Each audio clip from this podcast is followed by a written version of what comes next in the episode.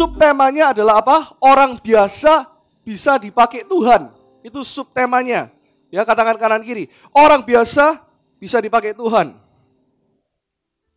Ya, bahasa Mandarinnya Sangti Yan Yi Shi Yong Mei Mei Yu Li Wai Nah, gitu ya. Tuhan itu bisa pakai semua orang tanpa kecuali. Ya, disimplify aja. Hari ini saya akan bahas tentang Elia. Katakan Elia. Kita buka di satu Raja-Raja 17, cuma 6 ayat saja. Saya akan berhenti dari kata per kata, ya. Saya akan jelaskan remanya. Kita baca Elia di tepi sungai Kerit, itu judulnya. Ayat yang pertama, ini adalah nama Elia yang pertama kali muncul di Alkitab. Di satu Raja-Raja 17. Kalau Anda tahu bahwa Elia identik dengan seorang nabi yang besar, ya. Paling sedikitnya ada delapan mujizat besar Elia yang ditulis di Alkitab. Elisa malah lebih, 16 kali. 16 mujizat besar yang ditulis. Tapi Elia itu identik dengan para nabi. Makanya kenapa ketika Tuhan Yesus dimuliakan di atas gunung, Ya, ada yang bilang itu di Gunung Hermon, ada yang bilang itu di Gunung Tabor, tapi waktu kita ke Israel, kita putuskan untuk pergi ke Gunung Hermon. Karena itu adalah gunung yang paling tinggi di sana. Masih ingat ceritanya? Ya, ketika Petrus berkata, mari kita mendirikan tiga tenda. Satu untuk engkau, satu untuk Musa, satu untuk Elia. Katakan Elia yang keras. Nah, kita lagi bahas tentang Elia nih. Seorang nabi besar. Tapi kenapa judul khotbahnya adalah semua orang, bahkan orang biasa dipakai Tuhan. Kita akan lihat siapa Elia. Elia bukan siapa-siapa, dia orang biasa. Ayat pertama, lalu berkatalah Elia orang Tisbe. Katakan orang Tisbe. Kata-kata yang pertama muncul, kalau kita ngerasa bahwa kita dipakai Tuhan, tuh harusnya yang keluar adalah gini. Lalu berkatalah Karsten, gitu ya. Kalau di Alkitab nggak pakai pastor, semua kan ditulis namanya gitu ya. Atau lalu berkatalah Dennis, Wah, tapi kalau mau lebih hebat ditambahin. Lalu berkatalah Reverend Carsten. Ya, MBA. Tapi oh master gitu ya, of divinity atau apa dan sebagainya, MDiv. Ini enggak, cuma ditulis Alkitab itu sederhana, cuma ditulis lalu berkatalah Elia orang Tisbe. Waktu saya cari, apa sih orang Tisbe? Saya kira Tisbe ini artinya adalah wah, greatness gitu ya, dahsyat. Atau artinya Tisbe ini adalah wonderful. Wah, kayak kita semua pagi hari ini. Amin. Tetapi ternyata waktu saya buka bahasa aslinya, tisbe itu artinya apa? Artinya adalah captivity. Bisa dibuka di sana. Captivity artinya adalah apa? Tawanan. Ya. Bahkan dikatakan orang yang ditawan. Bayangkan, ditulis di sini nabi yang hebat pertama kali muncul, ditulisnya lalu berkatalah Elia, orang tawanan atau seorang tawanan. Wow. Kalau hari ini Anda merasa bahwa Anda itu rendah diri, saya pernah ngajar beberapa bulan lalu tentang kerendahan hati. Orang yang rendah hati itu bukan yang selalu bilang, enggak, aku enggak bisa. Ayo pelayanan, aku enggak mampu. Ayo jadi gembala life group, aku enggak bisa. Cari orang lain aja. Tapi orang yang rendah hati adalah orang yang tahu jelas tentang siapa dirinya, betul? Elia tahu jelas tentang siapa dirinya. Dan firman menuliskan, bukan orang hebat. Ini artinya kalau Elia bisa dipakai Tuhan jadi orang hebat, kita pun bisa dipakai oleh dia. Kita ini bukan tawanan. Elia nih dia berkata, dia nggak malu berkata, ini loh aku Elia orang Tisbe. Mungkin ini ya bahasanya kalau di Surabaya itu kayak gini. Ini loh, ini perumpamaannya. Ini loh saya, misalnya nama siapa? Ini loh Kelvin dari Medaeng. Ngerti maksud saya? Dia nggak malu menunjukkan bahwa aku ini orang yang terbuang. Tapi kalau aku bisa dipakai Tuhan, kamu pun juga. Katakan kanan kiri. Kalau Pastor Kasen dipakai Tuhan, kamu pun juga. Ayo, katakan. Itu namanya orang tisbe. Jadi ini harusnya diganti gini. Elia, orang tawanan. Ya, terus dilanjut, dilanjutkan lagi kita lihat dari tisbe Gilead. Ini saya garis bawahi di Alkitab saya, tapi di sana enggak. Tapi kita baca dari tisbe Gilead. Saya cari lagi. Tadi kan orang tawanan. Siapa tahu orang tawanan Gilead artinya hebat. Bukan. Waktu saya lihat orang Tisbe, Gilead. Tambah lengkap lagi. Gilead ini adalah pegunungan yang gak jelas.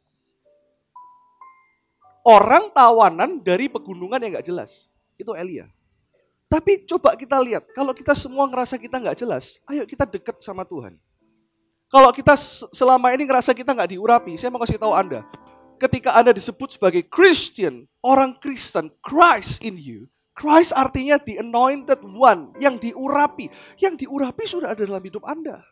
Tapi Anda nggak pernah sadar dan nggak pernah mengaktifasi. Mengaktifasi artinya Anda nggak pernah connect dengan roh kudus dan mengetahui siapa Anda. Elia tahu jelas siapa yang ada di dalam dirinya, makanya dia nggak pernah malu tentang backgroundnya. Ada beberapa orang yang suka malu dengan backgroundnya berkata, aku nih kayak gini, aku nih anak buangan, aku nih dulu kayak gini. Stoplah berkata aku dulu kayak gitu. Tapi biarlah yang dulu menjadi kesaksian supaya yang sekarang setiap orang dekat dengan Anda berkata, wow Anda orang biasa. Tapi karena Yesus Anda dipakai jadi luar biasa. Tepuk tangan dulu yang meriah buat Tuhan Yesus. Saya baca lagi kalimatnya dari awal supaya jelas. Saya ganti. Lalu berkatalah Elia, seorang tawanan, saya ganti ya. Dari orang tawanan dari pegunungan yang gak jelas itu kepada Ahab. Orang yang kelihatannya gak jelas ini ngomong sama Ahab. Siapakah Ahab? Ya, saya ceritakan sedikit. Ahab ini ketika itu adalah raja di Israel. Dia memerintah dan dia raja yang bengis, tapi dia berkuasa. Kalau Anda tahu istri dari Ahab itu namanya Isabel.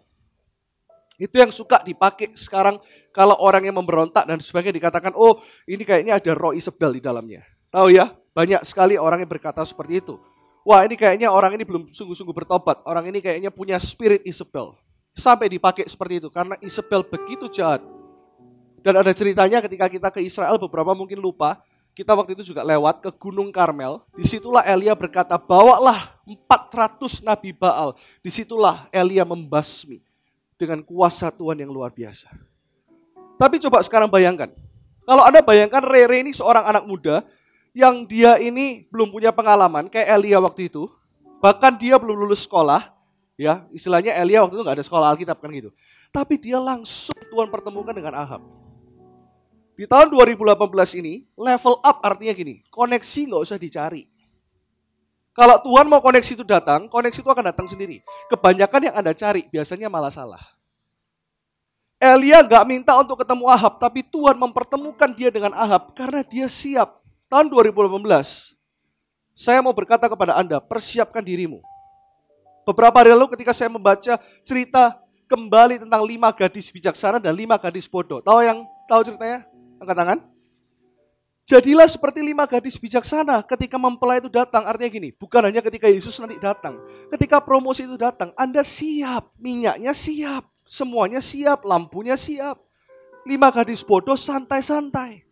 Jangan berkata, ayo kita nyantai aja. Apalagi ada banyak anak muda di New Life Church. Saya katakan, kalau Anda sekarang nganggur, itu berarti Anda punya banyak waktu untuk membangun hubungan dengan Tuhan. Kalau Anda sekarang nganggur, ambillah les ini, les itu. Ambillah les bahasa Mandarin kayak, ambil les bahasa Inggris kayak, penuhi waktumu sehingga ketika promosi itu datang, ketika Ahab, Ahab ini bukan cuma ngomong soal orang Kristen. Tuhan bisa mempromosikan Elia kepada orang dunia, yaitu orang yang berkuasa saat itu namanya Ahab. Dia nggak kenal Tuhan. Koneksi bisa datang kapan aja, tapi jangan ketika koneksi itu datang Anda berkata, ya. Siapa yang suka bahasanya gini? Tahu gitu, rek. Bahasa uang fehongnya, tahu ngono, rek, rek. Aku ya iso, tapi aku sekarang nggak iso, soalnya aku nggak belajar. Aku nggak pernah belajar untuk kelola orang. Aku nggak pernah belajar untuk sabar. Aku nggak pernah belajar untuk ketika beberapa orang berkata, iya loh pastor, saya punya pengalaman. Ketika saya itu ketemu orang yang harusnya saya bisa goal, tapi ketika saya presentasi saya nggak siap. Ya udah, mau gimana lagi? Persiapkan dirimu seperti Elia. Seperti setiap hari itu promosi itu datang. Prepare yourself and stand right dan berkata, aku memang orang biasa, orang tisbe, orang tawanan. Tapi itu dulu, sekarang aku sudah dibebaskan. Katakan kanan kiri, kamu sudah dibebaskan. Nah kita lihat apa yang dia katakan kepada Ahab. Orang yang dipakai Tuhan itu ciri-cirinya kayak gini. Bukan kepentingan diri sendiri. Pokoknya aku enak. Tapi kalau bisa orang lain juga enak dari pekerjaanku. Dikatakan seperti ini. Demi Tuhan yang hidup, Allah Israel yang kulayani. Baca terus, satu, dua, tiga. Sesungguhnya tidak akan ada embun atau hujan pada tahun-tahun ini. Kecuali kalau ku katakan. Ini untuk kepentingan siapa? Ketika dia bilang gak akan ada hujan, gak akan ada embun. Dan tiga setengah tahun benar-benar gak, gak ada hujan. Perkataan orang yang disertai Tuhan. Itu benar-benar perkataan yang diurapi. Dan itu siapa? Kita. Perkataanmu diurapi Tuhan. Makanya kenapa? Kalau ngomong mikir dulu. Saya punya seorang keluarga itu sepupunya opa saya dan dia sudah jadi orang Belanda. Karena dari umur 14 dan atau 15 tahun dia sudah pindah ke Belanda satu keluarga ini dan sekarang umurnya sudah 75 tahun. Saya selalu menyempatkan untuk gini. Dia bukan orang Kristen. Dia free thinker, ya. Dia tidak percaya Tuhan. Tapi setiap tahun datang setahun sekali atau dua kali. Umur 75 tahun tuh bisa travel ke mana-mana sendirian. Sehat sekali, kayak orang umur 50-an tahun. Karena dia kerja sendiri di sana, sudah pensiun, tapi dia suka berkebun. Dan kemarin cerita, dia paling seneng kalau ketemu Pastor Dennis, Pastor Carsten gitu ya. Karena kalau dia ngomong bahasa Belanda, uh, mereka belum ngerti, bener ya, orang Jerman belum ngerti. Tapi kalau sedikit, mereka sedikit mengerti. Tapi kalau mereka ngomong Jerman, dia lebih ngerti, betul ya? Dia bisa dengar. Jadi kalau dari dia itu orangnya aktif sekali, nyetir sendiri ke mana-mana. Beberapa hal ketika orang itu nggak Kristen pun, ya dia bisa punya value dalam hidupnya. Punya nilai yang benar, walaupun bukan dari kebenaran, ngerti ya? Waktu saya ngomong-ngomong sama dia, dia suka ngomong gini. Dia sepanjang hidupnya, dia tuh kalau mau ngomong, atau kalau mau nyinggung orang atau mau negur orang, dia itu mikir dulu. Dan memang orangnya itu namanya orang kalau didikan Belanda itu prinsipnya kuat sekali. Dia bilang, kalau guci retak, ini memang salah ya. Jadi kalau orang buat salah, guci retak, retaknya itu selamanya loh. Terus dia ngomong sama saya sama istri saya waktu di mobil. Makanya saya kalau mau ngomong, jangan sampai omongan saya itu meretakkan orang. Dan selama saya kenal dia dari kecil, karena saya panggil dia opa, sepupunya opa saya, memang dia nggak pernah meretakkan nggak pernah meretakkan kita. Kalau ngomong selalu positif atau bercanda. Lalu Roh Kudus ngomong di hati saya, orang Kristen itu harus belajar kadang untuk kalau kita ngomong, jangan sampai kita, kita boleh negur, kita boleh tegas. Saya berapa kali tegur orang dengan tegas, tapi dengan nilai kebenaran. Yesus tegur orang nggak? Tegur. Bahkan ketika di bait Allah, Yesus bukannya tegur. Dia waktu lihat kemuliaan Allah di obrak-abrik, dia mengguncang balikkan semuanya orang-orang yang di sana untuk dia menunjukkan ini loh nilai kebenaran. Tapi kalau orang dunia aja bisa gitu, berarti kita hari ini mau komitmen. Kita mau ngomong itu yang positif. Kalau kita tegur pun motivasinya positif. Katakan kanan kiri, auramu dulu positif, po. Ya. Nah, tapi kita lihat waktu dia ngomong sama Ahab, kita lihat kalimat yang sebelumnya. Demi Tuhan yang hidup berarti gini. Banyak orang yang melakukan sesuatu supaya dia dilihat orang. Itu adalah kecenderungan manusia kayak gitu. Tapi orang yang benar-benar kenal Kristus. Hidupnya adalah Christ-centered. Kristosentris. Mengarah kepada Kristus. Karena Alkitab juga berkata Anda diselamatkan supaya kasih karunia dalam hidupmu nggak sia-sia. Bahkan Alkitab berkata supaya kemuliaan Tuhan di hidupmu dikelola. Elia tahu cara mengelola kepercayaan Tuhan dalam hidupnya. Makanya ketika apa pun yang dia lakukan, dia selalu bilang demi Tuhan yang hidup. Dan itu keluar dari hatinya. Makanya kenapa kuasa keluar. Dan hujan benar-benar berhenti. Wow. Ini kita belajar tentang apa? Motivasi. Saya pun tiap hari cek motivasi. Jadi gembala, punya gereja, banyak uh, jemaatnya bertumbuh, ya. Nanti kids sudah selesai bangun, nanti ada visi-visi yang baru, Apakah kamu benar-benar melakukan itu untuk Kristus? Sometimes saya sebagai gembala harus ngaku sama Anda. Sometimes saya bisa ngerasa, iya ya, kayaknya aku beberapa hari ini kok melakukan untuk diriku sendiri ya. Jujur, kita semua kadang gitu nggak? Yang punya bisnis dan sebagainya. Jujur, angkat tangan yang jujur. Enggak gitu, wah luar biasa. Kita tuh bisa salah motivasi, pendeta pun bisa. Nggak sering, tapi kadang-kadang bisa loh. Pelayanan, harus ke mana? Kadang-kadang bisa. Yang berbicara adalah diri sendiri. Nggak ah, nggak ke sana, terlalu jauh. Tapi minggu depan, saya akhirnya terima tuh pelayanan ke Tasikmalaya. Sekalipun sebelum pergi, kemarin PA saya ngabarin, ya Tasya ngabarin, itu pesawat masih satu minggu lagi, bingung ke sana harus naik kereta, juga nanti kalau naik, naik kereta dari Surabaya kejauhan, kalau naik pesawat transit Jakarta katanya pesawatnya suka di cancel, akhirnya kita ke Bandung dan naik mobil, dan masih satu minggu, eh Airlines yang ngabarin, pesawat tanggal 28 Februari dari Bandung Surabaya diundur jam 6 sore. Wah, dalam hati saya ngomong sama istri saya, susah ya pergi ke sana ya. Jujur aja susah ya, jauh ya. Tapi saya mau menghormati. Karena itu bapak pembina kita, Pak Rubin Adi yang minta. Jadi kalau saya diminta khotbah di Bandung atau Tasik, saya menghormati dia. Kepentingan harus disingkirkan dulu. Kita ini masih hidup under otoritas orang lain loh. Jangan berkata, oh Pastor Irwan kan gembala paling atas, Pastor Dennis, Pastor Carson kan wakil gembala. Enak ya, kita punya sinode, kita punya pembina, kita punya orang-orang yang masih bisa menegur kita. Kita punya board of leaders yang bisa ngasih masukan ke dalam hidup kita. Makanya hidup kita nggak bisa cuman kepentingan kita. tapi kepentingan Tuhan yang pertama dan juga kepentingan orang lain. Itu yang Tuhan mau kasih tahu Anda hari ini. Amin.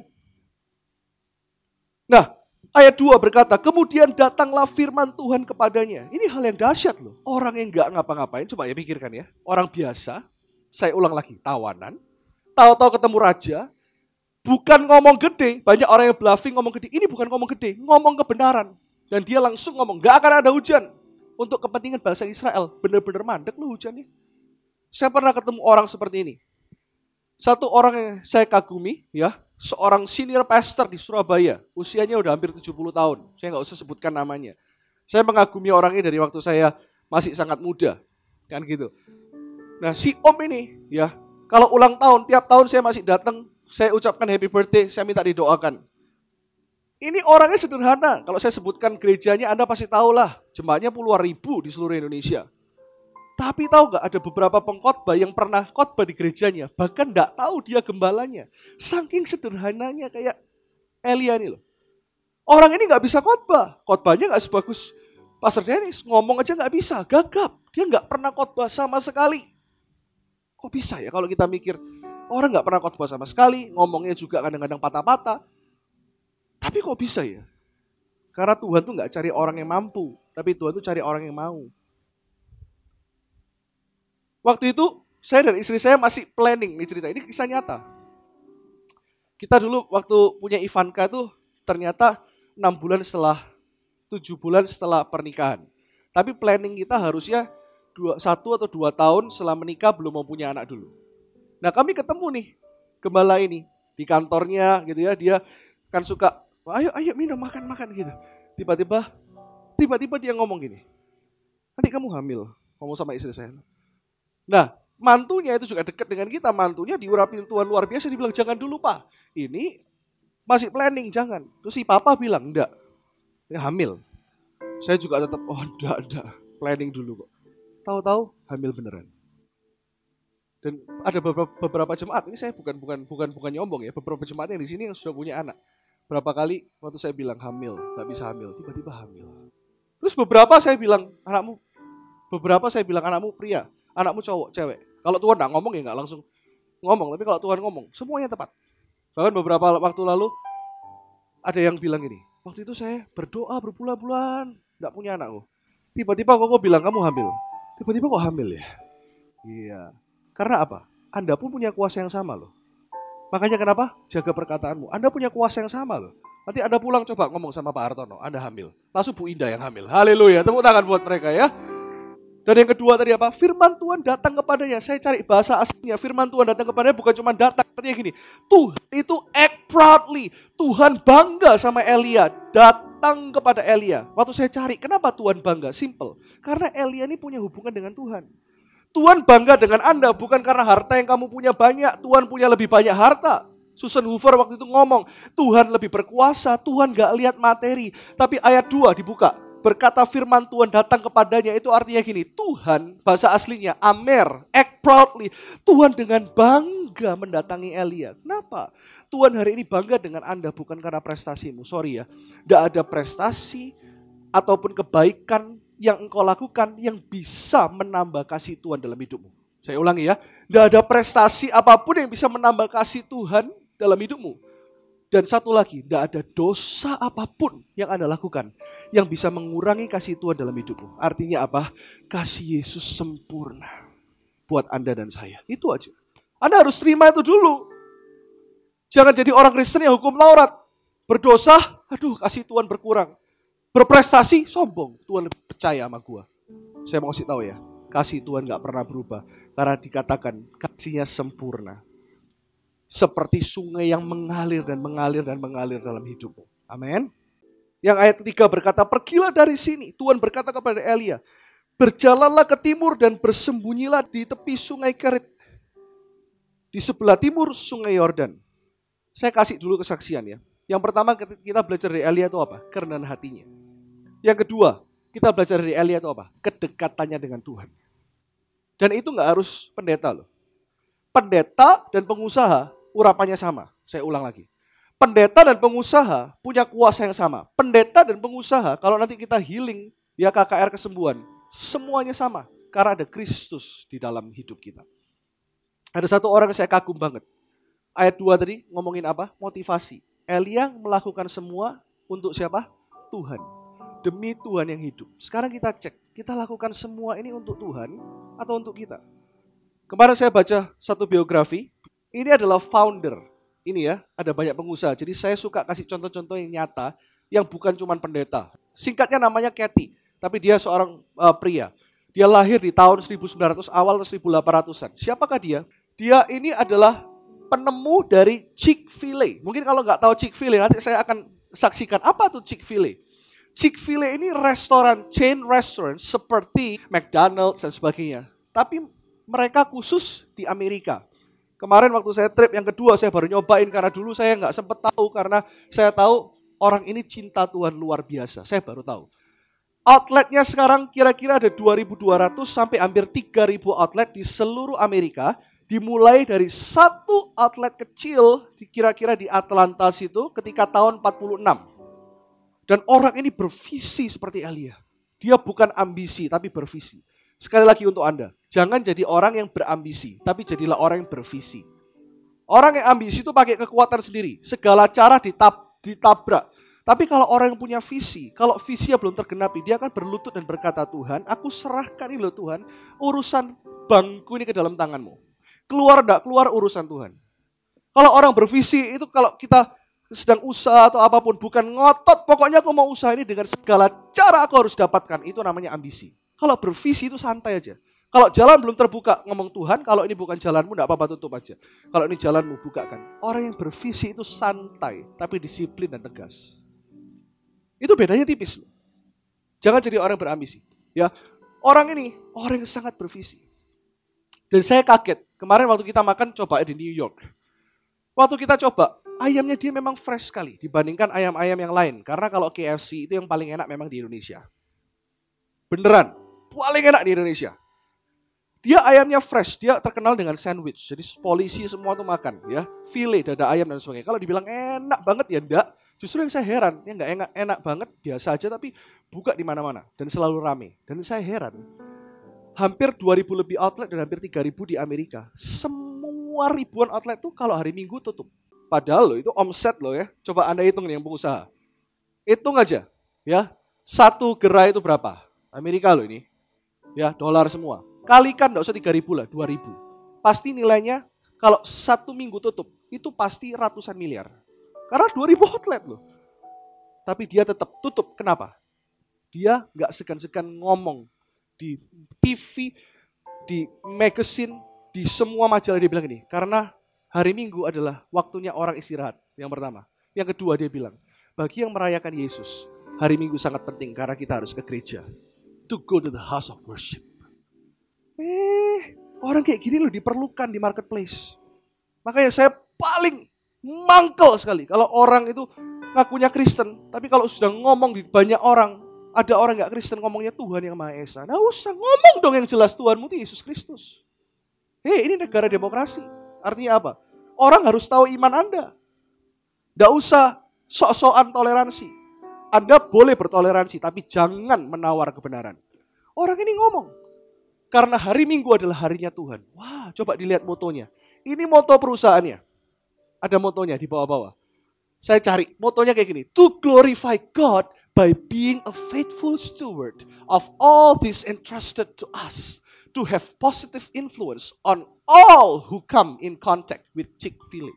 Bahasa Indonesia gini, untuk memuliakan Tuhan dengan menjadi murid yang setia, yang dipercayakan harta-harta ini untuk punya dampak yang positif buat semua orang yang datang ke restoran Chick-fil-A. Dan waktu saya lihat baca lagi, saya penasaran di di, di pusatnya, di pabriknya. Dia pasang moto-moto ayat-ayat dan semua orang datang, supplier, connection, semua orang tahu nggak? Waktu saya baca ya, setiap bulan ada 2000 aplikan, 2000 orang yang mau minta franchise-nya. Tapi hanya 80 orang yang diterima. Karena mereka tularkan value-nya. Jarang loh kayak gini. Perusahaan kalau udah maju di Indonesia, coba. Pokoknya bisa di copy paste. Udah, siapa aja yang mau buka copy paste. Gak cuma perusahaan, gereja aja banyak yang gitu. Bener nggak? Nggak tahu orangnya siapa, saya baru ditelepon kemarin dari orang Jakarta, pastor bantu ini teman saya mau buka gereja di Surabaya. Saya bilang, Hah? Tapi dia nggak tahu, dia nggak, dia pengusaha, dia cuma mau buka aja. Saya pengen ketemuin pastor, saya bilang, saya bukan buka gereja, saya mau nanam gereja. Nanam gereja tuh benar-benar mulai dari kecil. Bukan cuma, eh di daerah mana nggak ada ya, buka aja ya di sana yuk, gampang. Hei, kamu urusin orang merit loh. Kamu urusin konselingnya orang, kamu urusin baptisan. Bukan cuma buka kebaktian. Saya mau ketemu Pastor Irwan, dia bilang. Dan dia juga kenal satu pastor lagi, saya nggak usah sebutkan namanya, pastor yang besar sekali. Saya juga sahabatnya pastor ini. Saya telepon, dia ngomong ya udah buka aja, saya support. Saya nggak akan ngeluarin kata-kata dengan gampang, buka aja. Saya support. Saya mau lihat dulu visimu apa. Saya mau lihat dulu kesungguhanmu gimana. Buka gereja dan menanam gereja adalah two different things. Buka gereja, gampang. Undang pokok-pokok terkenal. Undang penyanyi-penyanyi terkenal. Rame. Gak usah digembalakan. Tapi kalau nanam gereja artinya apa? Hidup kita benar-benar untuk Tuhan dan gerejanya. It's totally different. Maka kenapa kalau ada di tempat ini? Anda harus bersyukur karena konsep dari New Life Church bukan buka gereja, tapi menanam gereja. Katakan kanan kiri, you are blessed. You are here. Orang ini sudah meninggal. Foundernya meninggal ketika usia 96 dan 90 sekian ya. Dan orang ini sebelum meninggal, makanya Anda nggak tahu toh Chick-fil-A, cuma ada di Amerika. Saya baca historinya, ternyata dia panggil semua keluarganya.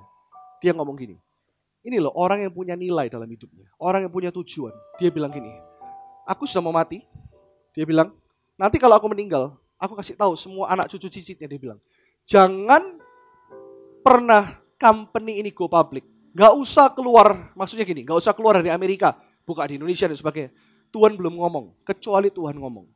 Ini orang tua sudah 90 tahun lebih kayak gini visinya, luar biasa. Dia bilang gini, karena kita mau menjaga nilai dari kehidupan company dan keluarga kita. Yaitu segala sesuatu yang kita lakukan harus memuliakan Kristus Yesus Tuhan. Selama itu belum Tuhan taruh dalam hidupmu. Gak usah go public, kita gak usah serakah. Di Amerika saja cukup. Waduh, waktu saya baca ini saya ngomong sama istri saya, hebat ya. Nanti kalau Tuhan belum datang, kita umur 90 sekian dan sebagainya. Kita harus jadi orang kayak gini loh, bervisi. Tidak cuma waktu mau meninggal bingung warisannya berapa, bagikan ke mana dia. Cuma ngomong sama anak-anaknya. Kalau Tuhan belum ngomong, Tuhan Yesus belum ngomong go public. Gak usah kamu go public. Yang lebih gila lagi, waktu di Amerika, bahkan beberapa merek, Anda tahu ya, mensupport gay marriage. Merek yang merek yang gede itu.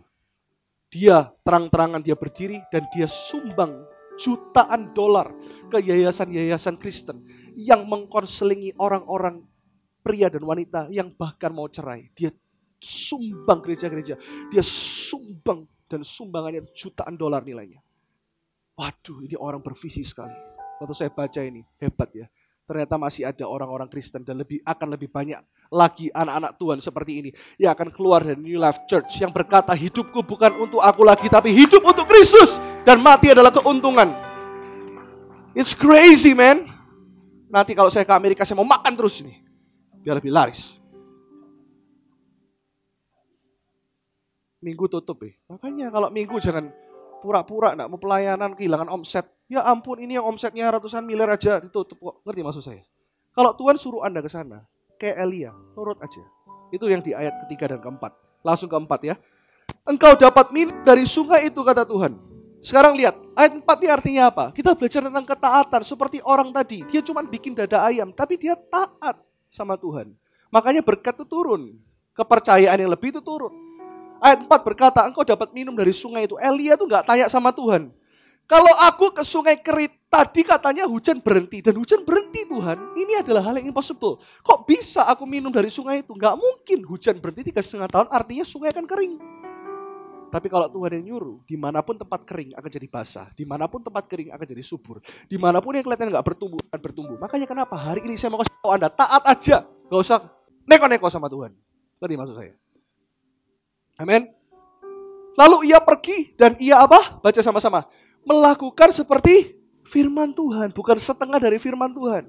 Ia pergi dan diam di tepi sungai Kerit di sebelah timur sungai Yordan. Ini pertama, hal yang mustahil yang pertama. Sungai itu kering, tapi akhirnya berair. Karena ada orang benar. Jadi ke mana pun Anda melangkah, Anda nggak usah takut. Ke rumah yang kelihatannya serem pun, Anda nggak usah tengking-tengking. Anda masuk aja. Kalau terang masuk, gelap pergi. Kalau sungai kering, tapi yang masuk Elia, yaitu orang diurapi Tuhan, sungai itu jadi subur. Artinya apa? Ke mana pun Anda pergi, keturunanmu tidak akan meminta-minta. Karena Allah menggenapi firmannya. Amin. Begitu besar, ini lagi dong. Kasih Allah pada kita. Katakan kanan kiri, diberkatilah, diberkatilah keturunan kita, keturunan kita di mana-mana. Di sungai kerit pun jadi Tuhan mengubah gendut jadi langsing. Sorry ya, nggak sorry. Oke, oke apa? Gendut itu bisa dimaknakan sombong rohani itu gendut. Ngerti nggak maksudnya? Bukan secara fisik, enggak loh. Gendut sama langsing itu relatif, relatif, gitu kan ya? Amin. Oh, saya udah mau selesai, ya. Yang kelima, yang keenam, yang ayat terakhir. Pada waktu pagi dan petang, Bahkan ketika disuruh ke sungai Kerit, dia nurut. Yang kedua, dia nggak bingung, makan apa ya? Kalau kita nanti disuruh menanam gereja di Jerman, aduh, nanti Pastor Dennis gimana ya? Jodohnya orang Jerman atau bukan ya? Atau orang Indonesia ya? Hah? Atau nggak mau merit seperti Paulus ya? Dalam nama Yesus nggak boleh. Kan gitu kan? Kita nggak usah tawar-menawar. Nanti uangnya dari mana ya? Sewanya mahal loh. Kan gitu? Mahal nggak? Berapa sebulan kira-kira?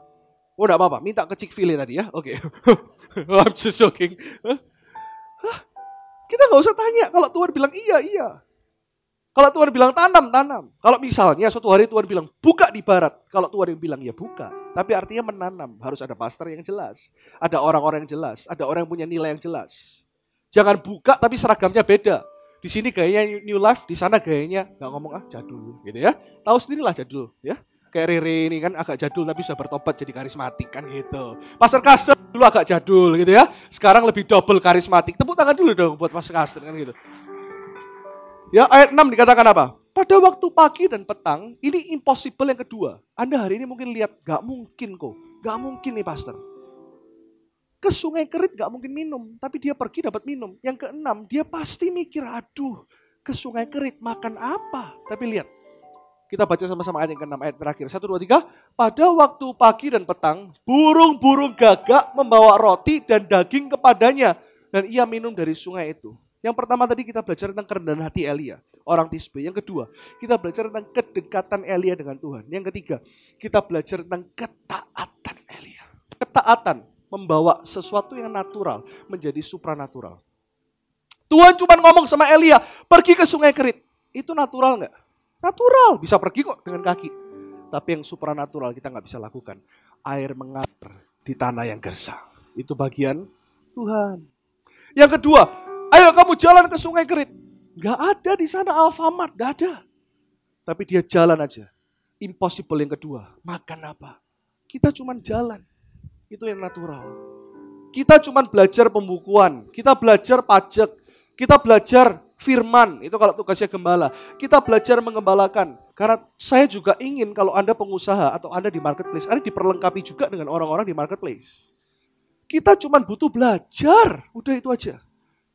Elia cuma butuh belajar taat. Kita belajar, itu semua yang natural. Tapi tiba-tiba yang supernatural datang kalau kita mau. Yang pertama, ayat 6 kita belajar. Burung gagak. Burung gagak itu bahasa aslinya raven. Itu burung yang kacau. Hal yang gak mungkin. Buka ayat 6. Tapi Tuhan bisa pakai burung gagak. Tahu nggak? Ikan yang basi dimakan itu burung gagak. Tapi bersama Tuhan, Tuhan bilang, Elia, lihat, karena kamu taat, aku bisa menyuruh burung gagak.